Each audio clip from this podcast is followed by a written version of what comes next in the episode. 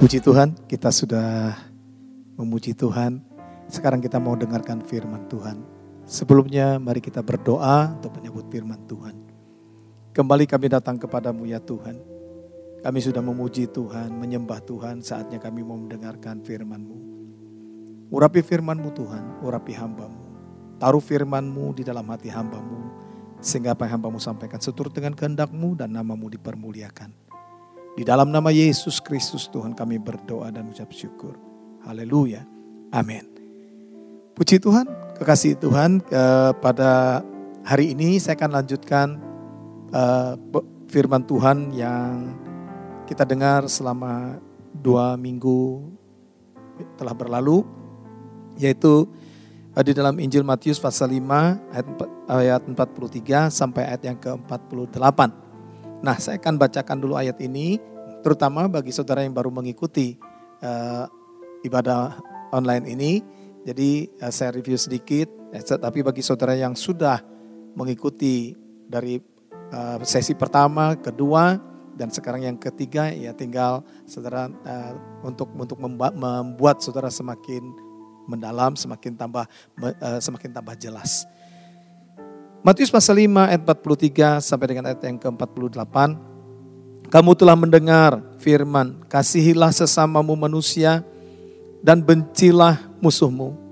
Tetapi aku berkata kepadamu, kasihilah musuhmu dan berdoalah bagi mereka yang menganiaya kamu karena dengan demikianlah kamu menjadi anak-anak Bapamu yang di sorga, yang menerbitkan matahari bagi orang yang jahat dan orang yang baik, dan menurunkan hujan bagi orang yang benar dan orang yang tidak benar. Apabila kamu mengasihi orang yang mengasihi kamu, apakah upahmu? Bukankah pemungut cukai juga berbuat demikian? Dan apabila kamu hanya memberi salam kepada saudara-saudaramu saja, Apakah lebihnya daripada perbuatan orang lain? Bukankah orang yang tidak mengenal Allah pun berbuat demikian? Ayat yang ke-48, mari saudara yang ada di rumah kita baca bersama-sama. Ayat yang ke-48, 1, 2, 3. Karena itu haruslah kamu sempurna, sama seperti Bapamu yang di sorga adalah sempurna. Kekasih Tuhan, dua minggu yang lalu kita berbicara bahwa Bapak Allah itu kasih, tetapi kasih bukan Allah. Nah, kita, uh, di ayat yang ke-48 ini ditekankan karena itu haruslah kamu sempurna sama seperti Bapamu yang di sorga adalah sempurna. Kita tidak bisa berkata bahwa tidak mungkin kita bisa sama seperti Bapa menjadi sempurna. Kita sudah bahas dua minggu, selama dua minggu berturut-turut kita kita bisa menjadi sama seperti Bapa sempurna adanya menurut kalau kita mempunyai patron atau teladan atau uh, pola yang kita bisa contoh. Nah, demikian uh, sehingga kita tidak salah, tidak keliru. Siapa contoh kita? Yaitu Yesus Kristus Tuhan. Dan dia dia berkata satu kali dia menyampaikan uh, uh, menyampaikan jawaban pada waktu murid-muridnya bertanya Guru, eh, Tuhan tunjukkan dong kepada kami Bapak itu. Kemudian eh, Tuhan Yesus ber, berkata kepada Filipus, loh sudah sekian lama engkau ikut aku. Masa engkau bertanya siapa Bapak itu? Kalau kamu melihat aku, kamu sama dengan melihat Bapak. Karena aku dan Bapak satu. Itu yang kata Tuhan. Ya memang Bapak berfirman. Itu Bapak dengan firman tidak bisa dipisah. Ya, tetapi firman itu menjadi manusia dan tinggal di dalam tubuh jasmania Yesus pada waktu dia ada di dunia ini. Nah kalau dulu kita hanya dengar firman Tuhan melalui nabi-nabi yang di dalam perjanjian lama. Tetapi dalam perjanjian baru firman itu menjadi manusia. Dan firman itu, firman Allah itu datang ke dunia dalam rupa daging. Dia menyampaikan maksud dan tujuan Allah. Dan dari kehidupan Kristuslah kita belajar. Dan belajar seperti apakah, seperti apakah yang Bapak mau seperti apakah yang Tuhan Allah mau sehingga sehingga kita bisa sempurna sama seperti Bapa di sorga adalah sempurna. Belajar dari Tuhan Yesus. Dia tidak dia difitnah, dia tidak pernah membalas fitnah. Dia dicaci maki, dia tidak membalas dengan caci maki, dia membalas dengan kasih. Nah, demikianlah dengan ayat-ayat yang sudah kita dengar dan kita baca, sudah baca bersama-sama di dalam Matius pasal 5 43 sampai dengan 48 di mana di sini adalah uh, bahwa segala sesuatu Allah nyatakan tentang kasih. Jadi di ayat yang ke-44 jelas sekali berkata, tetapi aku berkata kepadamu, kasihilah musuhmu dan berdoalah bagi mereka yang menganiaya kamu. Itu yang Tuhan mau, kasihi musuhmu. Bukan benci musuh. Walaupun walaupun ada ayat yang mengatakan di, uh, di ayat yang ke-43, Kasihlah sesamamu manusia dan bencilah musuhmu. Di ayat yang ke-43. Tapi di ayat yang ke-44 itu jelas. Jelas sekali. Kasihi musuh, berdoa bagi mereka yang menganiaya kamu. Nah kalau kita berkata, aku tidak bisa seperti itu. Aku dikecewakan, aku dibuat disakiti, aku dilukai, aku tidak bisa. Ya, aku tidak bisa mengampuni, aku tidak bisa berdoakan orang itu, aku tidak bisa memaafkan. Nah berarti, berarti anda tidak akan bisa sempurna sama seperti Bapa di sorga sempurna. Kalau Anda berkata, aku tidak mau mengampuni, maka jelas, jelas Bapa di sorga juga tidak mengampuni. Maka orang yang demikian menderita di dunia, mati masuk neraka lagi. Kenapa saya katakan demikian? Sementara, karena beberapa eh, minggu yang lalu, kasih itu berbelas kasihan. Yang kedua, kasih itu mengampuni. Kasih tidak mempunyai dendam, tidak memiliki kebencian. Ya, kasih itu mengampuni. Jadi karena apa? Orang yang menyimpan kepahitan, menyimpan kebencian, maka itu sumber penyakit. Tubuhnya pasti sakit-sakitan, kerugi kan saudara. Hidup di dunia ini sementara, pendek lagi. Hanya dikasih batas 70 tahun. Batas 70 tahun. Berarti bisa di bawah 70 tahun. Sekarang kita lihat, kita pernah dengar, kita pernah lihat. Uh, lihat di media sosial, di televisi bintang-bintang film, artis-artis yang meninggal usia muda-muda. Ya, jadi hidup ini singkat sekali, rugi, rugi kalau kita selagi diberi batas waktu oleh Tuhan dengan waktu yang singkat ini kita tidak berbenah, kita tidak mempersiapkan diri untuk kembali nanti Sementara pada waktu kembali kita menyimpan kepahitan, kebencian tidak bisa mengampuni. Alkitab mencatat Bapa di sorga juga tidak bisa mengampuni. Tidak akan mengampuni, bukan tidak bisa, tidak akan mengampuni. Loh, kalau Bapa tidak bisa mengampuni orang yang tidak bisa mengampuni saudaranya, bisa masuk sorga anda. Nah itu sebabnya kekasih Tuhan. Yang pertama, yang pertama minggu yang dua minggu yang lalu di dalam kasih ada belas kasihan. Dia tidak oh, orang yang berbelas kasihan dia tidak bisa melihat orang menderita. Dia tidak bisa melihat orang susah. Dia tidak akan bisa melihat orang yang diperlakukan tidak adil. Kita bisa lihat contoh yang ini juga. Pada waktu ada kedapatan perempuan berzina dibawa kepada Tuhan Yesus. Mereka berkata, menurut hukum Musa, wanita kedapatan berzina, rajam sampai mati. Apa Tuhan Yesus lakukan seperti itu? Enggak, saudaraku. Dia hanya nulis-nulis ke bawah karena di dalam kasih ada belas kasihan. Sehingga Tuhan berkat siapa yang yang yang tidak berdosa? Itu yang pertama melempari wanita ini dengan batu. Dia menulis lagi. Ternyata tidak ada yang melempari wanita itu dengan batu. Yesus bertanya, tidak adakah orang yang melempari engkau dengan batu? Tidak ada Tuhan. Kalau gitu aku pun tidak menghukum kamu. Ayo pulang. Lihat saudaraku Tuhan senantiasa memberikan uh, memberikan kesempatan yang kedua. Tapi kita kadang-kadang lebih kejam daripada Tuhan. Kalau sudah menjudge, menghakimi orang, waduh sepertinya orang itu sudah tidak ada kesempatan untuk bertobat lagi. Kita seolah-olah berkata, waduh ini perempuan sudah berzina, perempuan ini pelacur. Saudara yang dikasih Tuhan, saya sempat berpikir, orang membawa perempuan pelacur ini ke depan kaki Yesus. Dan berkata, guru, menurut hukum Musa, perempuan yang kedapatan berzina, hukum rajam. Saya bertanya sih, kenapa ya Tuhan tidak ngomong gini? Siapa yang menjinahi perempuan ini? Ya kan saudaraku kan terlalu terlalu sadis ya. Hanya perempuannya jadi korban. Masa perempuan itu berjinah sendirian? Siapa yang menjinahi dia? Kenapa tidak dibawa di kaki Tuhan? Tapi saya berpikir lagi saudara, mungkin yang ditulis Tuhan Yesus. Kan karena tidak ada kata-kata apa yang ditulis Tuhan Yesus, dia hanya menulis ke bawah. Jangan-jangan tulisannya Tuhan Yesus begini. Yang suka berdusta dosa yang men, yang pernah menjinahi perempuan ini dosa. Yang suka berjinah dosa. Dan seterusnya. Mungkin semua orang melihat apa sih yang ditulis? Ih, iya ya, berdusta dosa. Ih, aku juga suka berdosa, suka berdusta. Akhirnya mereka pergi. Mungkin yang ditulis Tuhan Yesus yang berjinah dengan perempuan ini siapa pun juga dosa. Mungkin di antaranya Dia dia baca, ih aku pernah juga berzina dengan perempuan ini. Dia dia pun akhirnya terpergi. Saudara yang dikasih oleh Tuhan Yesus, terlalu sering kita menghakimi orang. Ayo kita mulai bertobat. Di dalam kasih, ada belas kasihan. Tidak akan pernah tega melihat orang menderita. Tidak akan pernah tega melihat orang yang binasa tanpa Yesus. Yang kedua di dalam di dalam kasih ada pengampunan. Tidak tidak ada kebencian, tidak ada uh, kepahitan. Dia akan lepaskan seperti Tuhan Yesus sudah mengampuni dia. Dan yang ketiga, hari ini di dalam kasih tidak ada uh, di dalam kasih ada pengorbanan. Kita bisa lihat contoh Tuhan Yesus. Apa yang dia lakukan? Dia korbankan nyawanya untuk menyelamatkan se se seisi dunia. Saudara yang dikasih Tuhan, minggu yang lalu saya singgung. Untuk satu jiwa orang gila di Gadara. Untuk satu jiwa orang gila di Gadara. 2000 ekor babi dia korbankan. 2000 ekor babi. Begitu berharganya nilai satu jiwa. Sudahkah Anda memenangkan jiwa-jiwa untuk Tuhan Yesus? Jangan-jangan, jangan-jangan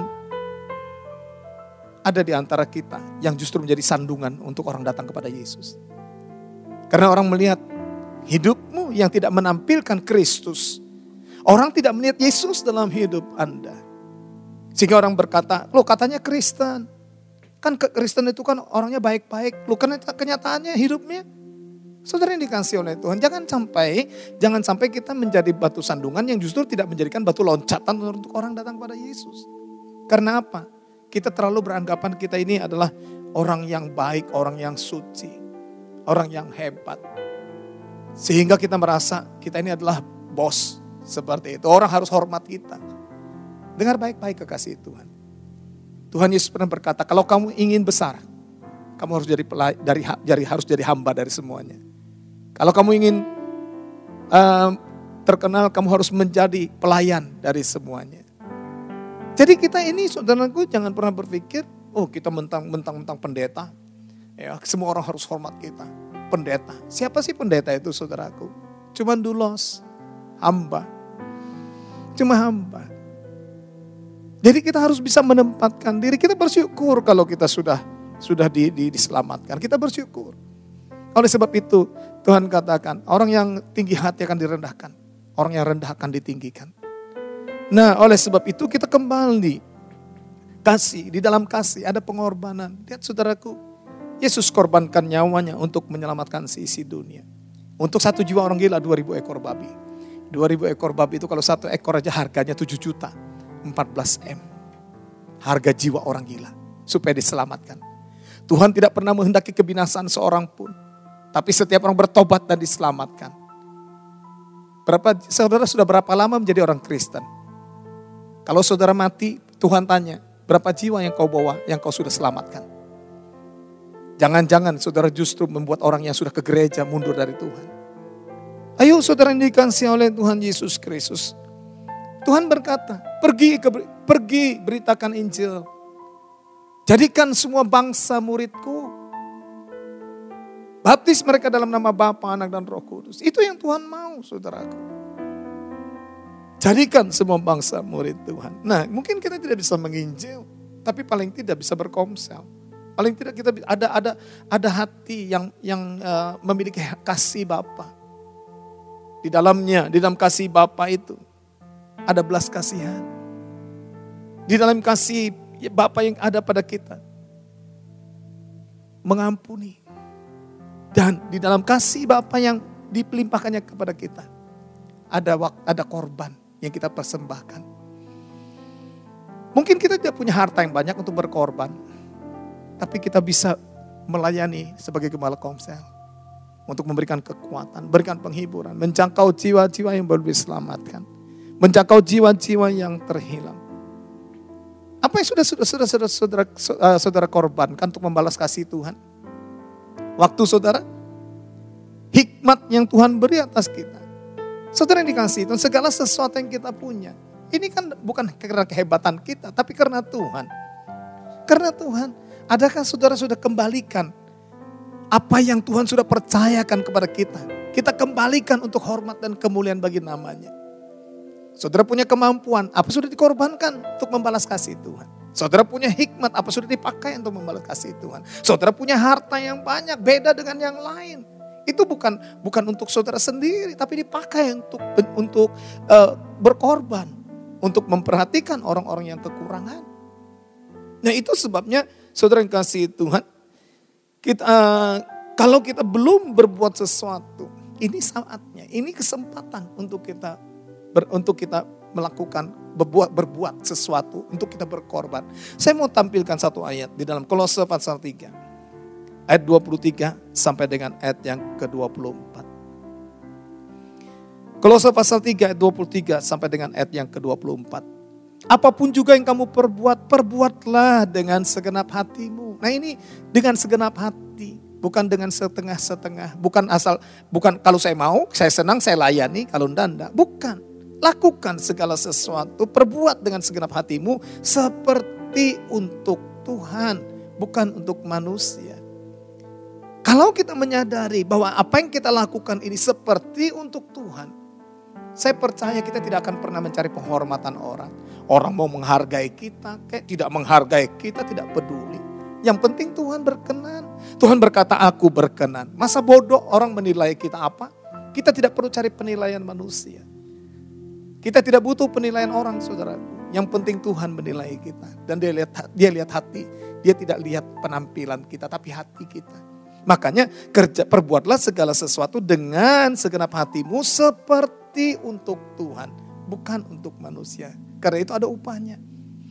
Kamu tahu bahwa dari Tuhanlah kamu akan menerima bagian yang ditentukan bagimu sebagai upah. Ditentukan bagimu, bukan bagi orang lain. Bagi kita yang mengerjakan segala sesuatu seperti untuk Tuhan tadi, kita akan diberinya upah yang menjadi bagian kita sebagai uh, sebagai uh, sebagai upah. Kristus adalah Tuhan dan kamu adalah hambanya. Kita tidak minta upah dari Tuhan, tapi Tuhan lihat hasil kerjaan kita. Dia lihat apa yang kita kerjakan itu namanya dipermuliakan. Kalau kita senantiasa berbuat sesuatu untuk mempermuliakan namanya. Saudara yang dikasih Tuhan. Di dalam Matius pasal 6 di sana dikatakan, kita tidak perlu minta-minta.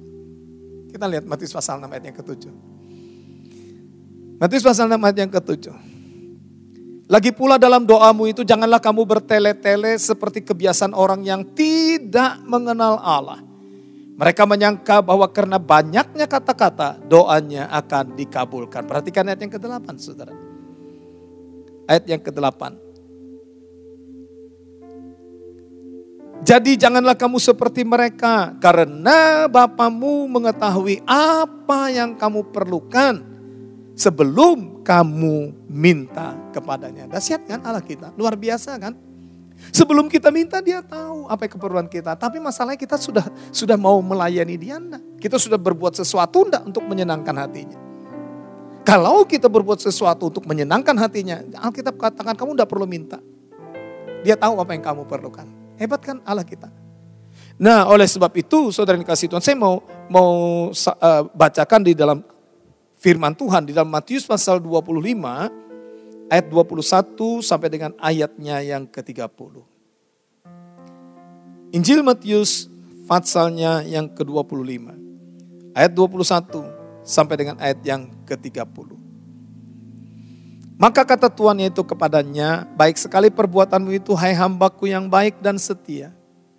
Engkau telah setia dalam perkara kecil. Aku akan memberikan kepadamu tanggung jawab dalam perkara yang besar. Masuklah dan turutlah dalam kebahagiaan Tuhanmu. Lalu datanglah hamba yang menerima dua talenta itu katanya Tuhan, dua talenta Tuhan percayakan kepada kulihat, aku telah beroleh laba dua talenta. Maka kata Tuhan itu kepadanya, baik sekali perbuatanmu itu hai hambaku yang baik dan setia. Engkau telah setia memikul tanggung jawab dalam perkara yang kecil. Aku akan memberikan kepadamu tanggung jawab dalam perkara yang besar. Masuklah dan turutlah dalam kebahagiaan Tuhanmu. Kini datanglah juga hamba yang menerima satu talenta itu dan berkata, Tuhan, aku tahu bahwa Tuhan adalah manusia yang kejam yang menuai di tempat di mana Tuhan tidak menabur dan yang memungut dari tempat di mana Tuhan tidak menanam. Karena itu aku takut dan pergi menyembunyikan talenta Tuhan itu di dalam tanah. Ini terimalah kepunyaan Tuhan. Maka jawab tuannya itu, hai kamu hamba yang jahat dan malas. Jadi kamu sudah tahu bahwa aku menuai di tempat di mana aku tidak menabur. Dan memungut dari tempat di mana aku tidak menanam. Karena itu sudahlah seharusnya uangku itu kau berikan kepada orang yang menjalankan uang. Supaya sekembaliku aku menerimanya serta dengan bunganya. Sebab itu ambillah talenta itu daripadanya. Dan berikanlah kepada orang yang mempunyai sepuluh talenta itu. Karena setiap orang yang mempunyai kepadanya akan diberi. Sehingga ia berkelimpahan. Tetapi siapa yang tidak mempunyai apa pun juga yang ada padanya akan diambil daripadanya. Dan campakkanlah hamba yang tidak berguna itu ke dalam kegelapan yang paling gelap. Di sanalah akan terdapat ratap dan kertak gigi. Bapak Ibu Saudara sekalian dikasih Tuhan. Di sini Tuhan Yesus memberikan satu cerita yaitu tentang seorang tuan yang akan bepergian ke luar negeri. Ada yang dipercayakan kepada hamba-hambanya lima talenta, dua talenta, satu talenta. Kemudian tuannya pergi keluar kota, keluar negeri. Satu kali tuannya datang dan dia berkata, apa yang kau sudah hasilkan dengan talenta-talenta yang kau percayakan kepadamu? Yang lima talenta berkata, ini Tuhan lima, lima jadi sepuluh. Tuhan berkata, uh, Tuhannya berkata, oh luar biasa. Hamba yang baik. Hamba yang baik bukan menurut kita. Banyak orang berkata, aku ini sudah kurang baik apalagi. Karena kalau kita berkata aku ini orang baik, sudah kurang baik apalagi, berarti Anda berbuat sesuatu karena pamrih, ada pamrih.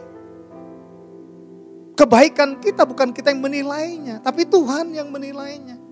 Kalau kita sendiri menilai perbuatan kita ada, pamrihnya. Kadang-kadang pengen diperhatikan, pengen dipuji, pengen dihargai. Kalau nggak dipuji tersinggung, kalau nggak di, kalau nggak dipuji tersinggung. You know? Nah, beda kalau Tuhan yang menilai tidak salah. Kalau manusia menilai saudara kadang-kadang yang memang tidak baik, tapi di, di, dikatakan baik karena apa? Supaya saudara semakin bangga. Padahal kerjanya nggak baik. Nah itu manusia bisa menipu seperti itu saudaraku. Tapi kalau Tuhan menilai, tidak ada yang tersembunyi. Kalau dia menilai baik, pasti baik. Makanya dia katakan hamba yang baik dan setia. Engkau setia dalam perkara yang kecil. Aku akan mempercayakan perkara-perkara yang besar. Dari kecil dulu saudara. Dari kecil dulu engkau setia. Kalau engkau dari kecil aja nggak setia, bagaimana Tuhan akan mempercayakan perkara-perkara yang besar? Tahun 85, saya saya waktu itu punya mimpi supaya Indonesia ah, Banjarmasin dilawat oleh Tuhan.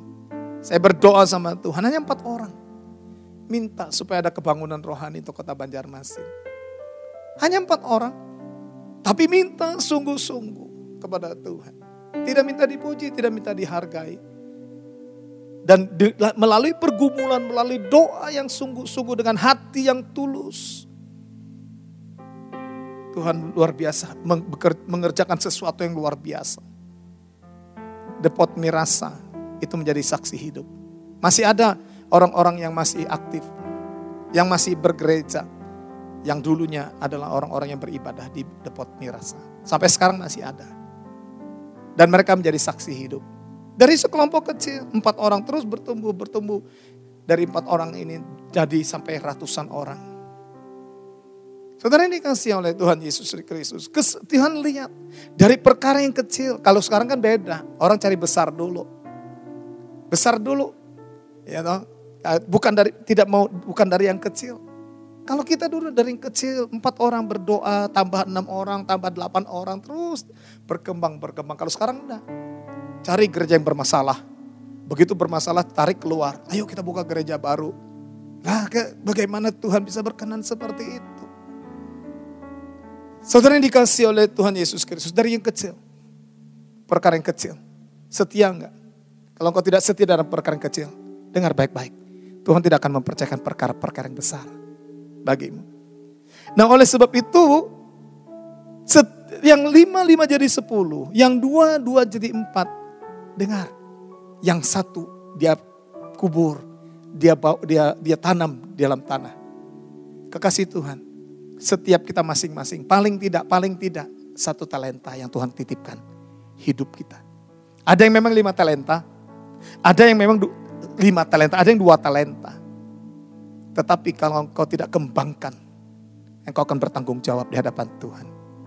Satu talenta hidup kita ini loh saudara, hidup ini loh kita bawa, eh, kita kembangkan. Karena ada di uh, DNA Allah dalam hidupmu dan hidupku. Pada waktu Allah menjadikan manusia, dia menghembuskan nafas hidup ke dalam hidung manusia dan manusia itu menjadi makhluk yang hidup. Ada roh Allah di dalam kehidupan di dalam hidup kita. Nah ini nanti satu kali pada waktu roh Allah ini keluar dari tubuh ini. Kita akan menghadap tahta pengadilan Allah. Dan Alkitab mencatat kita akan mempertanggungjawabkan hidup kita ini di hadapan Allah. Tidak ada yang tersembunyi, kita akan mempertanggungjawabkan perbuatan kita. Apa pun yang kita lakukan itu akan bertanggung jawab. Itu sebabnya saya, saya khawatir kalau Tuhan tanya nanti di, di dalam di tahtanya. Dia tidak tanya berapa rumah yang kau punya Berapa mobil yang kau miliki? Berapa perusahaan yang kau miliki? Berapa banyak harta kekayaanmu? Saya percaya dia tidak tanya itu. Yang dia tanyakan, sudahkah engkau menjadi pelaku firmanku? Yang dia tanyakan mungkin berapa banyak jiwa-jiwa yang kau bawa datang kepadaku. Saudara dengar baik-baik. Dari sorga, dia datang ke dalam dunia ini. Yang dia cari adalah jiwa-jiwa yang terhilang. Yang dia cari adalah jiwa-jiwa yang tersesat. Yang dia cari adalah jiwa-jiwa yang tidak memiliki pengharapan. Yang dia dia tidak mencari orang-orang hebat. Dia men, tidak mencari orang-orang suci. Yang dia cari adalah pelacur. Yang dia cari adalah pembunuh, mantan pembunuh. Yang dia cari adalah penjahat, pemungut cukai yang dicarinya. Itu sebabnya dia berkata, aku datang, uh, uh, orang sakit, eh, orang sehat tidak memerlukan dokter atau tidak memerlukan tabib. Hanya orang sakit yang memerlukan tabib. Saudara yang dikasih Tuhan, kalau hari ini Engkau berkata, Tuhan aku ini orangnya. Orang yang menjadi sampah masyarakat, orang yang tidak dihargai. Orang ini tolak karena aku berbuat kejahatan masa laluku gelap. Mungkinkah ada pengharapan? Saya kasih tahu, saya mau kabar sukacita. Masih ada pengharapan. Tuhan Yesus yang kita sembah, Allah yang berbelas kasihan.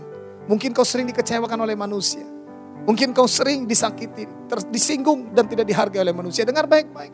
Sekalipun manusia tidak menghargai kau, Tuhan yang aku sembah, Tuhan yang aku layani, yang namanya Yesus Kristus Tuhan memperhatikanmu. Dia sangat mengasihimu, dia sangat peduli kepadamu. Biarkan orang tidak memperhatikanmu. Dengar baik-baik, Tuhan mau masuk dalam hidupmu. Buka hatimu, kekasih Tuhan. Nah oleh sebab itu bagi yang bagi setiap kita, jangan bangga dulu kalau engkau menjadi Kristen. Yang, yang lalu saya katakan, agama Kristen tidak menjamin saudara dan saya masuk sorga. Tidak ada manusia yang bisa menjamin saudara dan saya masuk surga. Termasuk pendeta, tidak ada bisa tidak akan menjamin saudara masuk surga. Salah-salah pendeta pun belum tentu masuk surga. Tidak ada gereja yang bisa menjamin saudara masuk surga kecuali Yesus Kristus Tuhan. Dia berkata, akulah jalan kebenaran dan hidup. Tidak ada seorang pun dapat sampai kepada Bapa tanpa melalui aku. Dia tidak pernah berkata hanya orang Kristen yang masuk surga. Karena dia datang ke dalam dunia ini tidak pernah membawa doktrin kekristenan. Karena doktrin kekristenan itulah yang membuat gereja terpecah-pecah. Ayo bertobat. Bertobat, terutama juga para penceramah, para pemimpin gereja. Bertobat. Berhenti kita berbicara tentang dogma, tentang doktrin yang yang membuat perpecahan. Beritakan tentang Yesus Kristus Tuhan. Yang sudah mati, bangkit pada hari ketiga. Untuk membenarkan kita. Untuk mendamaikan kita dengan Bapa. Untuk memberikan pengampunan. Oleh sebab itu saudara yang kasih Tuhan, itu yang Tuhan mau. Beritakan Injil. Selamatkan jiwa-jiwa, bawa datang kepada Tuhan. Itu adalah amanat agung yang sekarang sudah hilang dari gereja. Mimbar dirubah hanya untuk kepentingan. Mimbar gereja berubah hanya untuk mencari, menentukan identitas aku ini hebat, gerejaku hebat, kelompokku hebat. Dengar baik-baik kekasih Tuhan. Hanya Yesus Kristus yang hebat. Hanya Tuhan Yesus yang dahsyat. Oleh sebab itu, ayo mari kita bekerja layani Tuhan. Karena itu saudara dikasih Tuhan di dalam kasih ada pengorbanan. Kita korbankan waktu kita, tenaga kita, pikiran kita, segala yang ada yang Tuhan percayakan kepada kita. Jangan sampai potensi ilahi yang dititipkan olehnya. Satu talenta itu kau bawa ke dalam kubur. Jangan kau bawa dalam kubur. Kepada waktu kau bawa ke dalam kubur, kau akan bertanggung jawab di hadapan Tuhan. Jangan pernah berpikir pelayanan itu hanya tugasnya pendeta. Jangan kau berpikir pelayanan itu hanya tugasnya hamba-hamba Tuhan, hanya full timer. Tidak, setiap kita kita akan bertanggung jawab di hadapan Tuhan. Ada potensi ilahi dalam hidupmu dan hidupku. Kembangkan potensi ini. Tuhan Yesus datang ke dalam dunia ini bukan untuk memberkati saudara dan saya, bukan.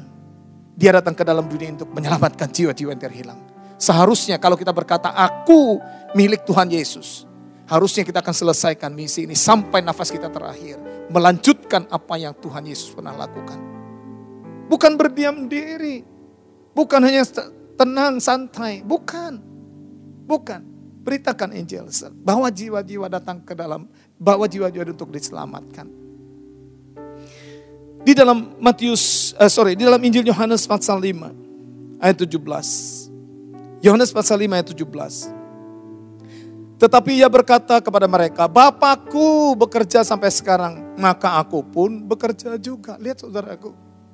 Bapak di sorga sampai hari ini bekerja untuk menyelamatkan jiwa-jiwa. Makanya fir firman pun bekerja. Firman yang tinggal di dalam tubuh jasmani Yesus. Yang, yang pada waktu itu memang manusia. Itu pun bekerja. Bahkan sampai hari ini pun masih bekerja. Masa saudara tidak mau melayani. Masa saudara tidak bekerja berarti kan lebih jago dong. Lebih ngebos dong daripada Bapak dan Tuhan dan juga firman. Ayo layani Tuhan. Kasih. Di dalam kasih ada pengorbanan. Ada waktu yang kita korbankan. Ada tenaga yang kita korbankan. Ini kalau kita tidak punya harta. Ada pikiran yang kita korbankan. Ada talenta yang kita korbankan. Yang hartanya lebih, bisa pakai sebagai Anda dipercayakan oleh Tuhan sebagai bendahara kerajaan. Gunakan untuk untuk uh, uh, untuk pekerjaan Tuhan, gunakan. Makanya minggu yang lalu saya pernah singgung. Jangan simpan hartamu di dunia ini. Di dunia ngengat dan karat merusaknya. Terjadi goncang, saudaraku selesai. Hari-hari ini aja, karena COVID-19. Banyak perekonomian negara-negara lain hampir-hampir kolaps. Saudara hanya karena virus yang kecil. Di Italia, saya pernah uh, melihat di tayangan di televisi waktu COVID-19. Dikatakan seluruh keluarganya meninggal karena COVID-19. Seorang milioner, orang milioner dari uh, dari pavilion dari tempat tinggalnya yang di atas, dia terjun ke bawah. Milioner, tapi tidak tidak ada jaminan untuk suka, ada damai sejahtera. Karena dia pikir keluarga semua meninggal karena COVID-19. Dengar saudaraku, kalau kita dipercaya oleh Tuhan, masing-masing dengan talenta, apa pun juga, gunakan untuk kita berbuat baik. Gunakan untuk kita berkorban. Karena itu saudara kasih Tuhan pasti tidak akan pernah sia-sia. Pasti. Ada satu ayat yang bagus sekali. Wahyu pasal 4, Wahyu pasal 14 ayat 13. Wahyu pasal 14 ayat 13. Yang berbunyi demikian. Dan aku mendengar suara dari sorga. Aku mendengar suara dari sorga berkata, tuliskan. Berbahagialah orang-orang mati yang mati dalam Tuhan sejak sekarang ini. Sungguh kata roh, supaya mereka boleh beristirahat dari jerih lelah mereka. Bukan santai. Bukan santai. Beristirahat dari jerih lelah mereka bekerja. Melayani korban, korban waktu, korban tenaga, korban pikiran. Korbankan segala-galanya, seluruh aspek kehidupan kita untuk mempersiapkan kepulangan kita ke rumah Bapak. Karena segala perbuatan mereka menyertai mereka. Perbuatan buruk menyertai, perbuatan jahat, eh perbuatan baik menyertai, perbuatan buruk menerima hukuman, perbuatan baik menerima pahala. Kenapa kita tidak berbuat baik? Kenapa kita tidak melayani dengan hati yang sungguh-sungguh? Saya baca dalam terjemahan yang lain, ini sering kali saya baca, saya sampaikan di dalam eh, pelayanan hari Minggu. Lalu saya mendengar suara dari sorga berkata, tulis tulislah ini. Mulai sekarang berbahagialah orang-orang yang mati selagi melayani Tuhan. Benar jawab roh Allah. Mereka akan berhenti bekerja keras. Bukan nganggur. Bukan nganggur, bukan malas. Sebab tadi dikatakan di dalam uh, Matius 25, hamba yang malas, yang jahat, malas, jahat, tidak berguna. Campakkan di tempat-tempat yang gelap. Di mana di sana ratap dan kertak gigi tempatnya. Hamba yang jahat, malas, tidak berguna. Tempatnya di tempat kematian kekal. Saudara yang dikasih Tuhan, mumpung ada kesempatan. Mumpung masih hidup. Mumpung masih ada waktu. Gunakan sebaik-baiknya. Saya baca terus. Karena hasil pelayanan mereka selalu akan menyertai mereka. Tidak sia-sia jerih payah kita. Apa pun kita bisa lakukan di ladang Tuhan. Tidak perlu untuk mencari penilaian manusia. Tidak perlu mencari upah. Upah kita sudah dijamin oleh Tuhan. Hidup kekal bersama-sama dia. Mencari upah di dunia ini berapa sih yang kita dapat? Kita sudah menikmati segala kebaikan Tuhan. Kita sudah ditebus dengan gratis, gratis bukan murahan. Kita tidak bisa bayar. Kita ditebus dengan darahnya yang mahal. Kita tidak bisa bayar, bukan murahan. Kenapa kita tidak bisa membalas kasih Tuhan? Kenapa kita hitung-hitungan dengan Tuhan? Hitung-hitungan waktu, hitung-hitungan tenaga. Kenapa kita tidak membalas kasih Tuhan? Padahal ini untuk mempersiapkan kita buat kehidupan yang akan datang. Dengar baik-baik kekasih Tuhan. Jerih payahmu di dalam Tuhan tidak pernah sia-sia. Kerja keras, hasil kerja kerasmu tidak akan pernah sia-sia. Akan diperhitungkan oleh Tuhan. Itu sebabnya kalau kita kerja melayani, kita tidak perlu dinilai oleh manusia. Jangan mencari penilaian manusia. Jangan mencari perhatian manusia. Jangan minta penghargaan manusia. Biarkan Bapa di sorga yang menilai. Biarkan dia yang menghargai. Kalau dia berkata, aku berkenan Ah, engkau hamba yang baik dan setia. Kau setia dalam perkara kecil. Aku akan mempercayakan perkara-perkara yang besar bagimu. Sebagai ayat yang terakhir. 1 Yohanes pasal 3 ayat 18. Lihatlah 1 Yohanes pasal 3 ayat 18 ayat 18. Anak-anakku, marilah kita mengasihi bukan dengan perkataan atau dengan lidah, tapi dengan perbuatan dan dalam kebenaran. Mengasihi dengan perbuatan, tetapi dalam kebenaran. Jadi jangan sampai kita mengasihi dengan perbuatan tapi tanpa kebenaran. Harus di dalam kebenaran. Kalau tidak benar, Jangan laku, jangan berbuat itu karena sia-sia apa yang kita lakukan. Kiranya Tuhan Yesus memberkati saudara. Jadi ada tiga hal yang yang uh, selama tiga minggu ini yang kita dapatkan bahwa kita bisa akan menjadi sempurna seperti Bapa di sorga sempurna, yaitu kalau kita memiliki kasih. Kasih yang yang uh, seperti Bapa yaitu kasih yang senantiasa berbelas kasihan. Yang kedua, kasih yang tidak ada kebencian, kasih yang tidak mengingat masa lalu, kasih yang yang mengampuni, kasih yang melupakan masa lalu, kasih yang tidak mengingat-ingat masa kelam, kasih yang senantiasa melupakan kesalahan. Dan yang terakhir yang ketiga, yaitu kasih. Uh, kita akan bisa sama sempurna seperti Bapa kalau kita memiliki kasih yang di dalamnya ada pengorbanan. Saudara yang dikasih Tuhan. Kita, waktu kita singkat. Ayo manfaatkan waktu yang ada nih. Ayo kita bekerja keras untuk melayani Tuhan. Ayo bekerja keras untuk bersaksi, menyaksikan tentang Yesus. Ayo bekerja keras untuk kita menyaksikan tentang sorga. Ada waktunya kerja keras kita. Ada waktunya kita akan beristirahat dari jerih lelah kita. Ada waktunya kita berhenti dari kerja keras kita. Dan saat itu kita hanya tinggal menerima upah, menerima pahala dari dia. Jangan malas. Jangan malas. Jangan sampai dia berkata, hampai malas, jahat dan tidak berguna. Saatnya kau kobarkan, bangkitkan roh dan berkata, aku mau melayani Tuhan. Aku mau melayani Tuhan. Aku mau melayani Tuhan. Tuhan Yesus kiranya memberkati saudara. Amin. Amin. Sebelum kita masuk dalam perjamuan kudus, saya akan mengajak kita menaikkan satu pujian.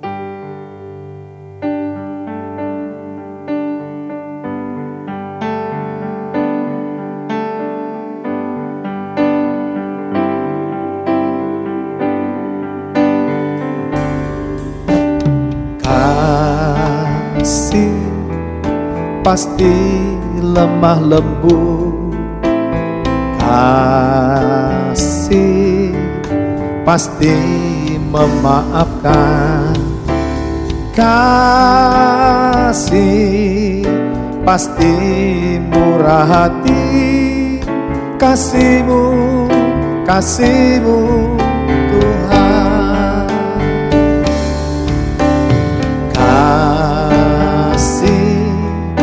pasti lemah lembut. Kasih pasti memaafkan. Kasih pasti murah hati.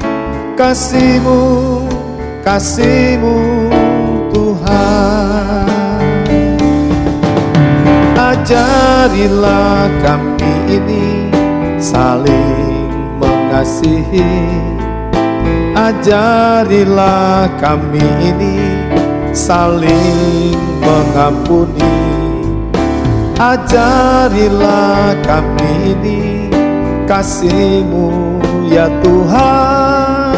Kasihmu kudus tiada batasnya. Ajarilah kami ini saling mengasihi. Ajarilah kami ini saling mengampuni. Ajarilah kami ini kasihmu ya Tuhan. Kasihmu kudus tiada batasnya. Biarkan musik mengalunkan pujian ini dengan lembut Sebentar kita akan siapkan untuk masuk dalam perjamuan kudus Tapi sebelumnya saya akan bacakan ayat daripada firman Tuhan Di dalam 1 Korintus pasal 11 dari 27. Jadi barang siapa dengan cara yang tidak layak makan roti atau minum cawan Tuhan, ia berdosa terhadap tubuh dan darah Tuhan. Karena itu hendaklah tiap-tiap orang menguji dirinya sendiri dan baru sesudah itu ia makan roti dan minum dari cawan itu.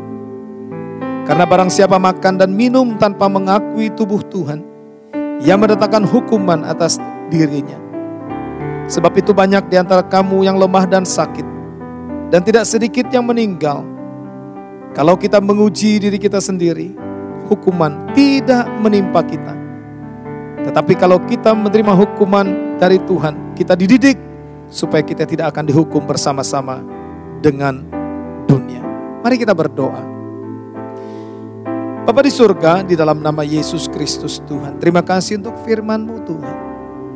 Dan kami percaya setiap kami sudah diberkati melalui firman Dan kami percaya bahwa kami bisa sempurna seperti Bapa di sorga sempurna. Melalui kehidupan Yesus yang kami contoh selama ada di dunia ini. Yang akan melalui firman-Mu yang tertulis, yang terdapat di dalam Alkitab. Itu sebabnya engkau juga menyuruh, mengajar untuk supaya kami belajar, untuk kami membaca firman-Mu, merenungkannya karena itu adalah tuntunan guidance untuk kami memperoleh hidup yang kekal. Terima kasih Bapa. Saat ini kami akan bersekutu dengan tubuh dan darahmu. Tumpangkan tanganmu atas roti dan anggur yang melambangkan tubuh dan darah Kristus. Sehingga melalui berkat perjamuan kudus ini, yang lemah dikuatkan, yang putus asa diberikan pengharapan yang baru, dan yang sakit oleh bilur-bilur Tuhan Yesus sudah disembuhkan. Sudah disembuhkan, sudah sembuh. Terima kasih Tuhan Yesus. Terima kasih. Kami siap untuk bersekutu dengan tubuh dan darahmu. Dalam nama Yesus Kristus Tuhan. Haleluya. Amin. Mari angkat roti yang sudah diberkati oleh Tuhan dengan tangan kanan kita lebih tinggi dari kepala kita. Firman Tuhan,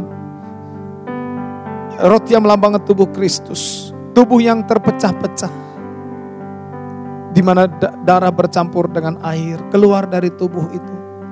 Penderitaan, siksaan yang dialami Yesus bukan karena dosa dan pelanggarannya, tapi karena dosa dan pelanggaran kitalah yang ditanggungnya. Karena dia mengasihi kita. Bahkan dia rela mati tergantung di atas kayu salib untuk menggantikan hukumanmu dan hukumanku. Sehingga melalui kematiannya saudara dan saya satu kali pada waktu meninggalkan dunia ini kita akan bersama-sama dengan dia di, di dalam ke, kerajaan yang kekal yang tidak akan pernah tergoncangkan. Bukankah roti yang sudah diberkati oleh Tuhan ini adalah persekutuan dengan tubuh Kristus. Haleluya. Amin. Makan dalam nama Tuhan Yesus Kristus.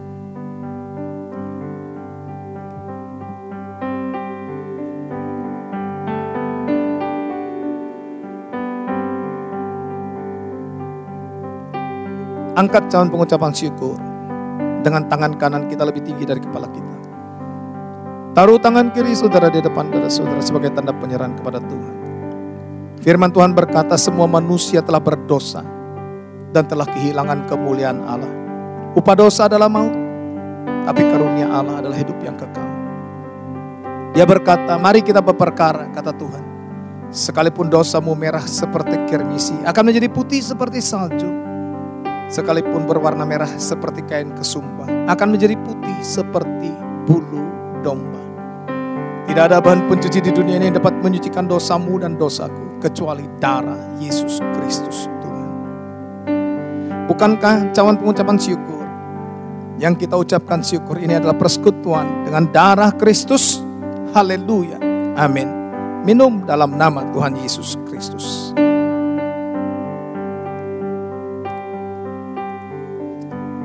Kita naikkan kembali pujian tadi. Ajarilah kami Tuhan. Ajarilah kami ini saling mengasihi. Ajarilah kami ini saling mengampuni. Ajarilah kami ini kasihmu ya Tuhan kasihmu kudus tiada batasnya. Ajarilah kami ini saling mengasihi. Ajarilah kami ini saling mengampuni. Ajarilah kami ini kasihmu ya Tuhan kasihmu kudus tiada batasnya. Kasihmu kudus tiada batasnya. Oh, kasihmu kudus tiada batasnya.